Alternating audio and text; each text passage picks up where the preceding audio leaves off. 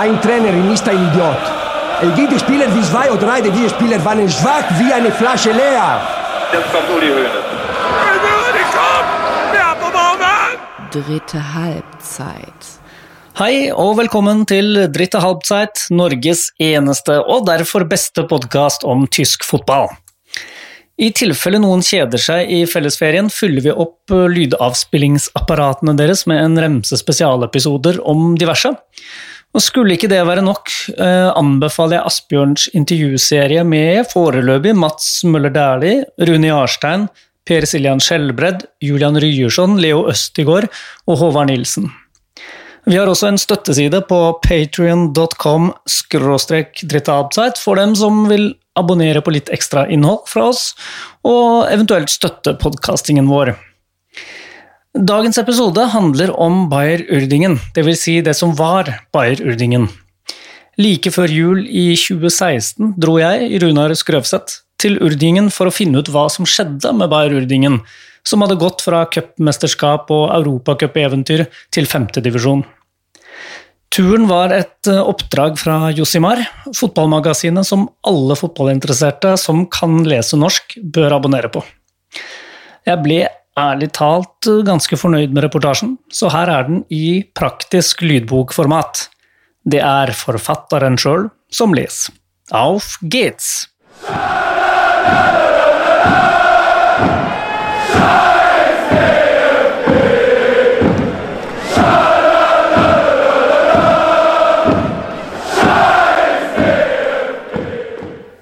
Et liv i tåka. I Tyskland skilles det skarpt mellom såkalte bedriftsklubber og tradisjonsklubber. Førstnevnte står lavt i kurs, men ett av dem klarte kunststykket å kombinere stigmatiserende bedriftsstatus med kultrenommé. Bayer Urdingen får tyske fotballhjerter til å banke og fremkalle varm nostalgi for enn de nevnes grunnleggende bestanddel av 80-tallets Bundesliga, lørdagsunderholder for hundretusener tippekampavhengige nordmenn ved et par anledninger, bronsemedaljør, cupmester og europeisk semifinalist, som en gang bar hele den vesttyske fotballnasjonen på sine skuldre. Hvor ble det av dem i alt mylderet? Vi kan avsløre først som sist at Urdingen fortsatt lever. Om ikke i beste velgående, så i hvert fall pustende og pesende for egen hjelp i en alder av 111 år, under det sponsorløse navnet KFC Urdingen, Krefelder Fotballklubb Urdingen 05. Alderdommen tilbringes i meget ufasjonable omgivelser i Oberliga Niederrhein, nivå 5, men de kan i motsetning til sine divisjonskolleger skue tilbake på et svært innholdsrikt liv med opp- og nedturer større enn hva mange av dagens bondesligister har opplevd maken til. Da fotballmagasinet El Freunde skulle kåre tidenes kamp, falt valget på Bayer Urdingen mot Dynamo Dresden fra 1986, alle kultkampers mor i tysk klubbfotballhistorie. Returkampen i cupvinnercupens kvartfinale går under navnet Das Wunder von der Gothenburg. Miraklet som skjedde på Bayer Urdingens hjemmebane denne vårkvelden, var en uvirkelig snuoperasjon i en politisk høyladet affære. Kampen ble sendt direkte på TV, på bekostning av Bayern Münchens kvartfinale i den gjevere serievinnercupen, og ble betraktet som en landskamp mellom Vest-Tyskland og Øst-Tyskland. En vesttysk bekjent sier han husker at han som barn fikk være ekstra lenge oppe for å se kampen, og at den ble propagandert som selve urstriden mellom det gode og det onde. Urdingen spilte altså for nasjonens ære, ja, og for hele menneskeheten, ifølge indoktrinerte barnesinn som invens. I tillegg til semifinalebillett mot Atletico Madrid. Bayer hadde tapt 2-0 i DDR, så pga. bortemålsregelen måtte de i returkampen holde tett bakover for enhver pris. Men nei da.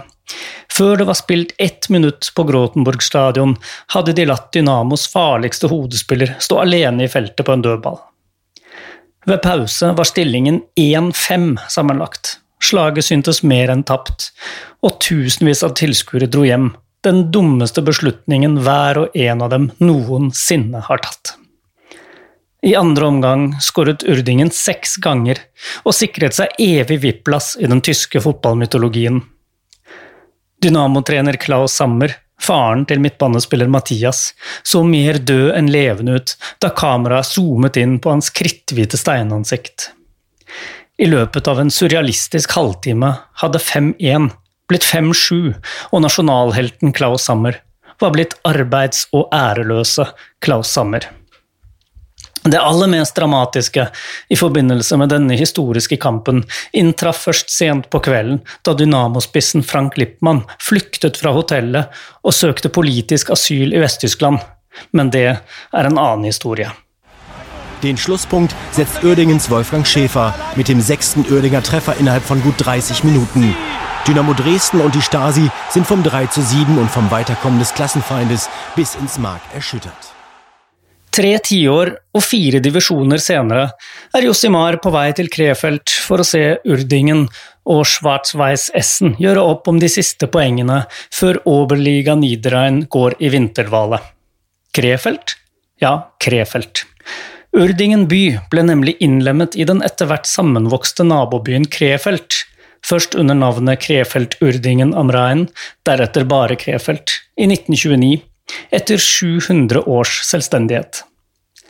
Den ligger tre mil fra Nederland i vest. Rhinen fungerer som en grense mot Ruhrområdet i øst, og i sør ligger München Gladbach og delstatshovedstaden Düsseldorf få kilometer unna.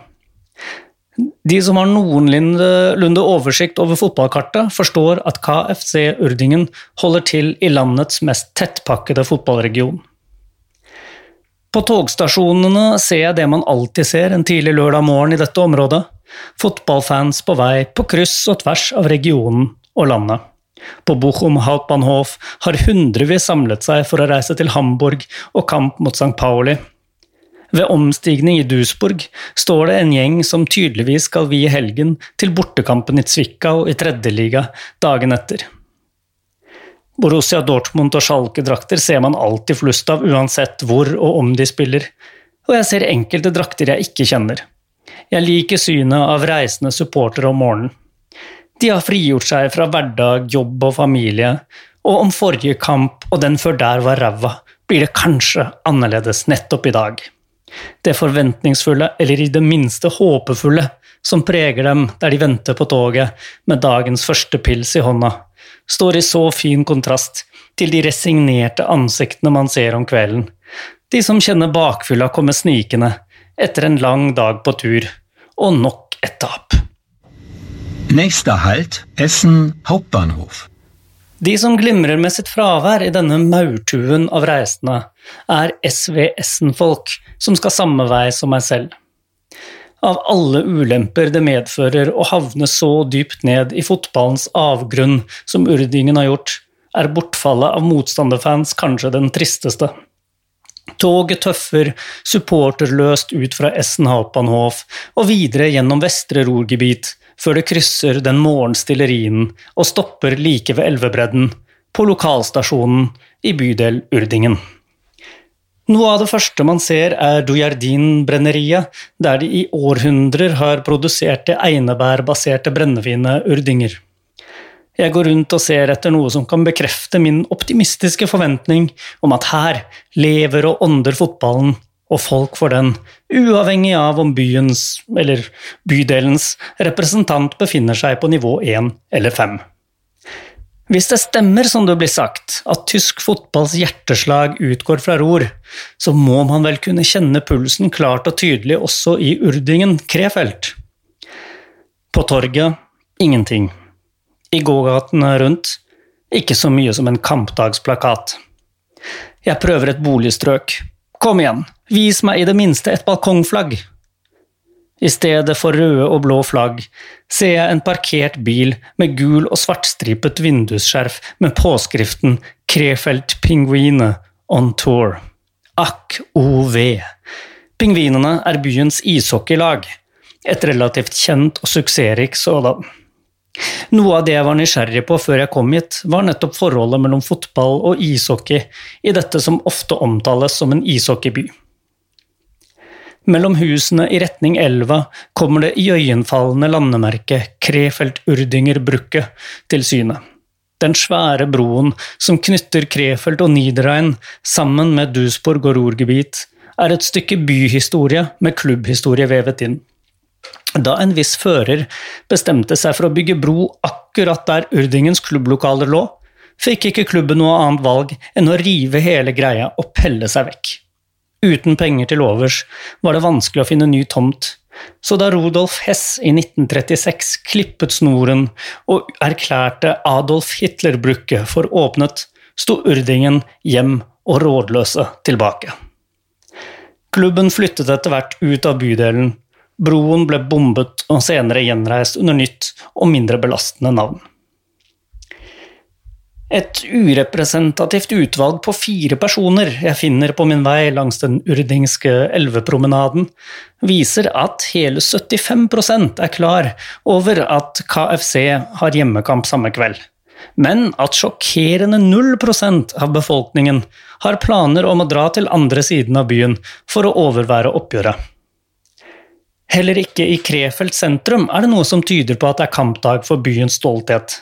Sågar siste kamp før den lange vinterpausen, med tabelltopp og opprykksposisjon på spill.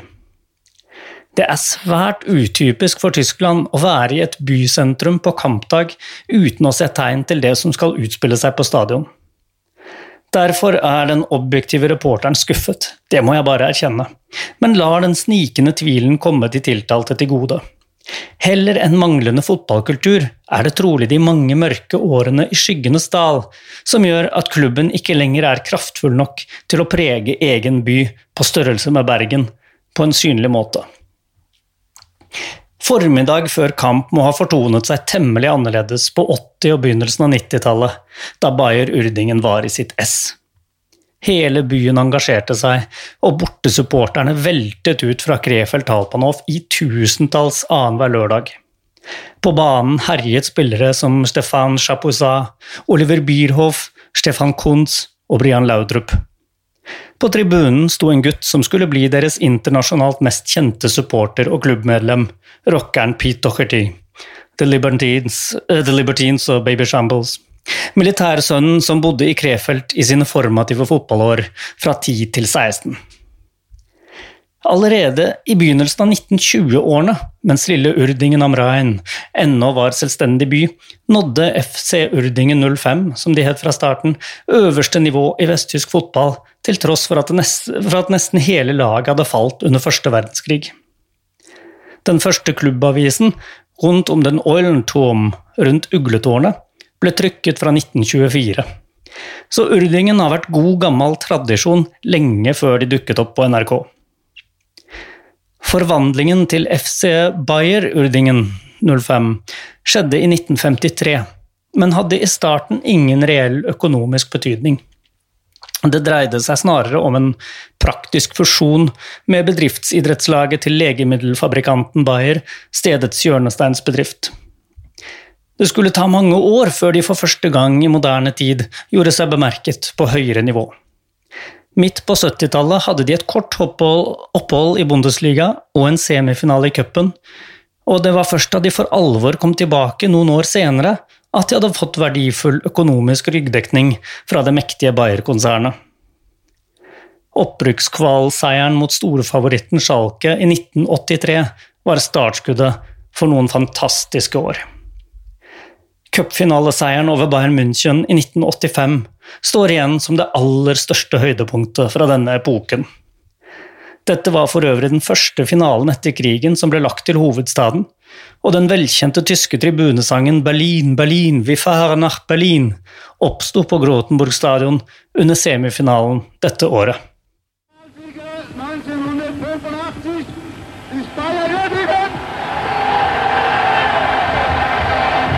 Vor 72.000 Zuschauern im Berliner Olympiastadion feierte Bayer Uerdingen überglücklich zum ersten Mal in der 80-jährigen Vereinsgeschichte den Gewinn des DFB-Pokals. Sesongen etter ble Bayer Urdingen nummer tre i Bundesliga, parallelt med det tidligere nevnte europaeventyret, som endte med semifinaletap mot Atletico Madrid. I 1987 ble Urdingen tysk mester på de to øverste juniornivåene, og fremtiden så særdeles lovende ut. Kunne man vippe Bayern München av tronen? Som livet har lært oss fotballsupportere, er det utrolig hvor mye mørke som kan ligge gjemt i en forventet lys fremtid, og svaret på spørsmålet ble et mildt sagt rungende nei. Etter gradvis svakere resultater rykket de ned i 1991 og kjørte heis mellom første og andre Bundesliga noen år, før alt skar seg. Bayer-konsernet, som i årevis hadde holdt to konkurrerende klubber kunstig i live gjennom tunge bidrag, ble tiltagende skeptiske til effekten av denne pengebruken. Til slutt valgte de å konsentrere seg fullt og helt om sponsoratet i Leverkosen, en by der konsernet hadde sitt hovedsete og en klubb der det hadde røtter helt tilbake til stiftelsen. At den sportslige utviklingen virket mer lovende i Leverkosen, var kanskje heller ikke helt uten betydning. Dermed trakk Bayer seg ut av Urdingen i 1995 og etterlot, klubben med en dundrende hodepine. En trinnvis økonomisk avviklingsordning gjorde at Urdingen, nå med fornavnet KFC, likevel kunne stille med et brukbart lag i 1995-96-sesongen, i flere eksperters øyne godt nok til å holde det gående i Bundesliga. Det som de håpet skulle bli en ny og frisk start under nytt flagg, endte i stedet med et ytterst fatalt nedrykk. Siden de gikk ned før nytt navn og profil fikk muligheten til å feste seg, ble de uattraktive på sponsormarkedet. Så der satt de, da. Uten den jevne pengestrømmen fra farmasigiganten som de hadde gjort seg så avhengig av, uten Bundesliga-status og med få alternative inntektsmuligheter av betydning. KFC Urdingen havnet i økonomisk og sportslig uføre og forsvant fra det nasjonale fotballkartet med nedrykket fra Zweite Bundesliga i 1999. På trikken mot stadion utpå ettermiddagen er det endelig mulig å kjenne vibbene av førkampspenning, i hvert fall hvis man legger godviljen til. De fleste skal samme vei, promillene er stigende, og når vi går ut er folk i kampmodus slik det skal være. Jeg ser gamle og unge, kvinner og menn, punkere og dresskledde, alle som på, på kampdag kommer sammen og forenes av det eneste som betyr noe denne dagen, klubbtilhørighet. Det er like banalt som det er universelt. Situasjonen er den samme om forholdene er store eller små. Folk diskuterer spillere og formasjoner, noen er ukuelige optimister, andre er sikre på at det går til helvete. Når jeg sier at jeg skriver om urdingen for et norsk tidsskrift, reagerer enkelte som en gammel grandtante som bor alene i et stort hus langt ute på landet. Først og fremst takknemlig for ikke å bli glemt. Takk for at dere husker oss. Folk snakker villig vekk, og de prater nesten utelukkende om fortiden uten at jeg trenger å spørre. Minner om fortiden, og drømmer for fremtiden, er jo det man har å styrke seg på når samtiden er kjip, noe den unektelig kan være for en del fotballfans, spesielt for tilhengere av en klubb med KFC Urdingens skjebne. Bare én middelaldrende mann sier eksplisitt at han ikke vil snakke om historien. Jeg har sett Barcelona på Grotenborg, men hva hjelper det? Å, alt vi har opplevd her, hvis man tenker for mye på Bundesliga og Europa og tiden der, blir det fryktelig vanskelig å juble hemningsløst og ekte for skåringer mot Mebosch og Hønnepel Niedermømte. Det er Schwarzweiss Essen som er virkeligheten vår nå, og det er den vi må forholde oss til.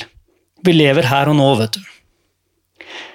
Gråtenborg stadion er på en og samme tid et slott og ei rønne, en levende arena og historisk ruin, samlingspunkt og halvt forlatt, storslagen og falleferdig. Den er rett og slett et av de mest fascinerende stadionene jeg har sett. De kolossale rustrøde flomlysmastene sprenger old school-skalaen, og den stengte ståtribunen av skjev betong bak det ene målet utsondrer samme aura. Klokkesvingen på motsatt side henger også igjen i en annen tid. Vintage-skjermen har gått i svart, og den analoge klokka lever sitt eget liv, noen timers avvik fra tidssonen GMT pluss 1. Selv om bare 1410 av de 34 500 plassene er besatt, føles det som å stige inn i en gammel tippekamp. Jeg hvisker til meg selv med Arne Skeie-stemme. Kjære alle der hjemme, velkommen hit til ærverdige Gråtenborg stadion, hvor vertene Bayer, jeg mener KFC, Urdingen, i blå skjorter og sorte bukser, skal spille fra høyre mot venstre de første 45 minuttene.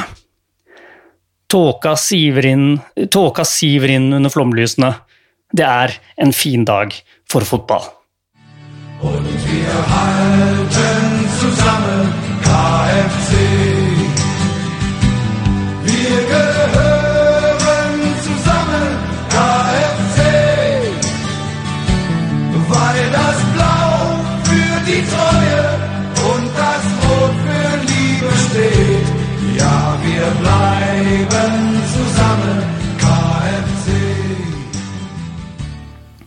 Før kampen sparkes i gang, har jeg audiens hos Ultra Skrefelt, som har samlet og organisert aktive supporterkrefter tilknyttet KFC Urdingen siden den lange nedturen begynte midt på 90-tallet.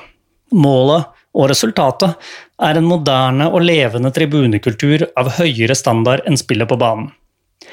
Selv om laget utøver breddefotball med lave tilskuertall, får fansen fortsatt ofte besøk av ultrasmiljøer og andre nysgjerrige fotballfolk fra inn- og utland. Kombinasjonen av en spennende klubbhistorie og et anlegg med så sinnssyk groundhopper-appell vil alltid være tiltrekkende, ikke sant? Der jeg står som tilreisende utlending med kamera, penn og notisblokk en iskald siste lørdag før jul, kan jeg vanskelig svare noe annet enn ja. Spørsmålet var vel uansett retorisk. Til min bemerkning om at det ser ut til å være god aldersspredning blant tilskuerne, inkludert mange barn, påpeker de at rekrutteringen til det mest aktive tribunemiljøet er svært vanskelig i Oberliga. Det største skillet i tysk fotball regnes for å gå mellom helprofesjonelle dritteliga og den fem avdelinger store regionalliga på nivå fire. Men for Ultra Skrefelt er det mellom regionalliga og Oberliga, eh, som har 14 avdelinger, at dag blir til natt. Regionalligaen har tross alt mange klubber med en viss historie, størrelse og ambisjonsnivå, med vitale tribunekulturelle miljøer. På nivået under kommer lagene fra små avkroker man knapt finner på kartet, og på tribunen sitter stort sett spillernes slekt og venner samt noen gamle gubber.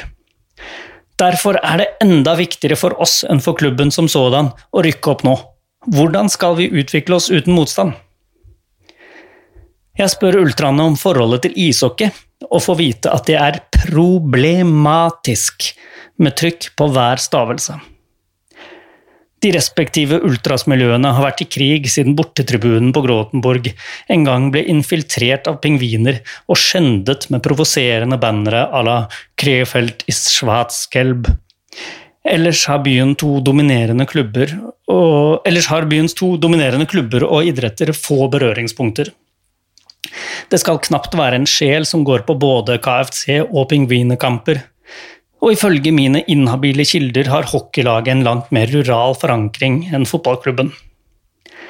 Jeg tar det de sier med en klype salt, men det høres ikke ulogisk ut. Fotballkonkurransen her er så stor at det må være en tilnærmet umulig oppgave å få folk fra omlandet til å følge KFC. For ishockeyinteresserte i regionen er Krefeld derimot et av langt færre attraktive alternativer. Basert på det som skrives på Urdingen-foraene på nettet, er det nok en viss grad av misunnelse inne i bildet også. Ishockey på toppnivå trekker mange flere folk i, eller til, Krefeld enn hva amatørfotball gjør. Fotballfolket mener seg neglisjert av kommunen i flere saker, og mens Gråtenborg stadion går i oppløsning, utfolder på pingvinene seg i ny og fancy ishall med det overdådige klingende navnet Königpalast. Urdingen feier over de svart-hvite fra avspark. Den første stående trampeklappsalven kommer før det er spilt ti minutter, og etter et kvarter er det 2-0. Min indre Arne Skeie-stemme messer om farene ved tidlig mål og 2-0-ledelse, men Arne Ball klapper snart igjen. For klasseforskjellen mellom krefelderne og gjestene fra Ror er brutal. Ved pause står det 4-0, og selv de skeptiske gamlekara bak meg mener at seieren er i boks. Pausen er befriende musikk og underholdningsfri, med unntak av en eller annen konkurranse. Premien er en kasse øl, som jeg går glipp av når jeg haster ut for å skaffe gløggpåfyll for å unngå å fryse i hjel. Det er riktig så trivelig på Gråtenborg, men det er tross alt ikke her jeg vil dø. I andre omgang er spenningen for lengst borte, gløggbegeret tomt igjen, og høstjakka fortsatt altfor, altfor tynn. For å holde varmen prøver jeg å se for meg hvordan det må ha vært her når de skjøre svingene var fylt til randen av hoppende fans. Ute på gresset er det faktisk mye fint småspill å se, blant annet et par elegante kombinasjoner med mange spillere involvert, men det er vanskelig å vurdere Urdingens kvaliteter når motstanderen er for sent oppe i alle situasjoner og notorisk elendige til å dekke åpenbart farlige rom. Etter hvert faller tempoet kraftig, og kampen dør hen lenge før sluttsignalet. Men publikum holder det gående. De stående, syngende supporterne på Frans Rashid-feltet på hovedtribunens ytre fløy har et variert repertoar og relativt solid lydnivå, men betingelsene må være spesielt gode denne kvelden, med julestemning, rundspilling, tabelltopp og flomlys. Det eneste som mangler, er en bortesving og håne etter hvert som målene triller inn. Ultras Krefeld heiser Spitzenreiter-banneret Spitzenreiter betyr serieleder. Et banner de hadde brukt halve natta på å lete frem fra sitt historiske arkiv etter at ledende Schonnebeck overraskende tapte sin kamp kvelden før. Det er sannelig ikke hvert år at Spitzenreiter, Spitzenreiter, hei, hei, ljomer utover Gråtenborg. En annen eh, sang som blir, som blir stadig gjentatt, går omtrent slik Oberliga gjør vondt, men samme faen, urding og le. Opp med haka, altså. Spitzenreiter, Spitzenreiter, hey! Hey! Spitzenreiter, Spitzenreiter, hey! Hvordan endte Urdingen opp i denne smertefulle lokalligaen? Hele 2000-tallet har vært en umulig kamp mot tyngdekraften. Det er vel knapt en klubb i hele Europa som har falt lenger enn KFC uten å gå konkurs. Flere ganger har de vært på randen av undergang, hver gang reddet med nød og neppe gjennom desperate supporteraksjoner og pengeinnsamlinger. 100-årsjubileet i 2005 ble markert med gravøl og tvangsnedflytting fordi de ikke oppfylte lisenskravene for spill regionalliga. Bunnen ble nådd da de etter sportslig nedrykk deiset ned på nivå 6 i 2008. Der nede fikk de søkelyset rettet mot seg igjen gjennom å signere tidligere Bundesliga-toppskårer Ailton. Brassen skapte etterlengtet fyr og flamme på tribunene, men var pinlig utrent og klarte ikke trekke klubben ut av sjettedivisjonsgjørma. Først i 2011 kom de seg vekk gjennom det som utrolig nok var klubbens første opprykk siden Bundesliga. Deretter tok de enda et steg, men lyktes ikke å klamre seg fast i regionalliga. Så her befinner man seg altså nå, godt i gang med enda et forsøk på å rykke opp til regionalliga, for denne gangen å stabilisere seg på nivå fire, før de forhåpentlig atter kan sikte mot de landsdekkende proffdivisjonene og gi nytt liv til den i dag så fjerne drømmen om en ny storhetstid. Urviserne i klokkesvingen beveger seg uansett altfor sakte, men etter noen temmelig seige sluttminutter blåser dommeren om sider av kampen og høstsesongen. Urdingen har vunnet 5-0, og alle gutta hylles på sin vei inn i garderoben, anført av Det godt de fant, den trofaste maskotten. Nede ved gjerdet plukker to unge gutter ned et flagg med påskriften Vi fu euch, je fu uns. Vi for dere, dere for oss. Her står vi på Gråtenburger Dår, hand i hand som om det var i går.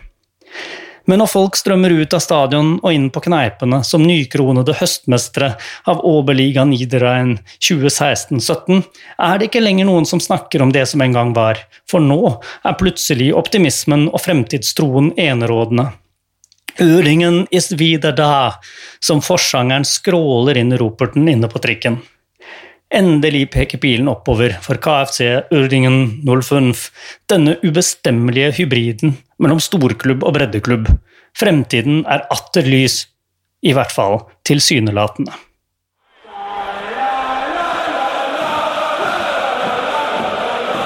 Ein Trainer ist ein Idiot. Jede Spieler wie zwei oder drei dieser Spieler waren schwach wie eine Flasche leer. Jetzt kommt Uli Hoeneß. dritte Halbzeit. Moderne media.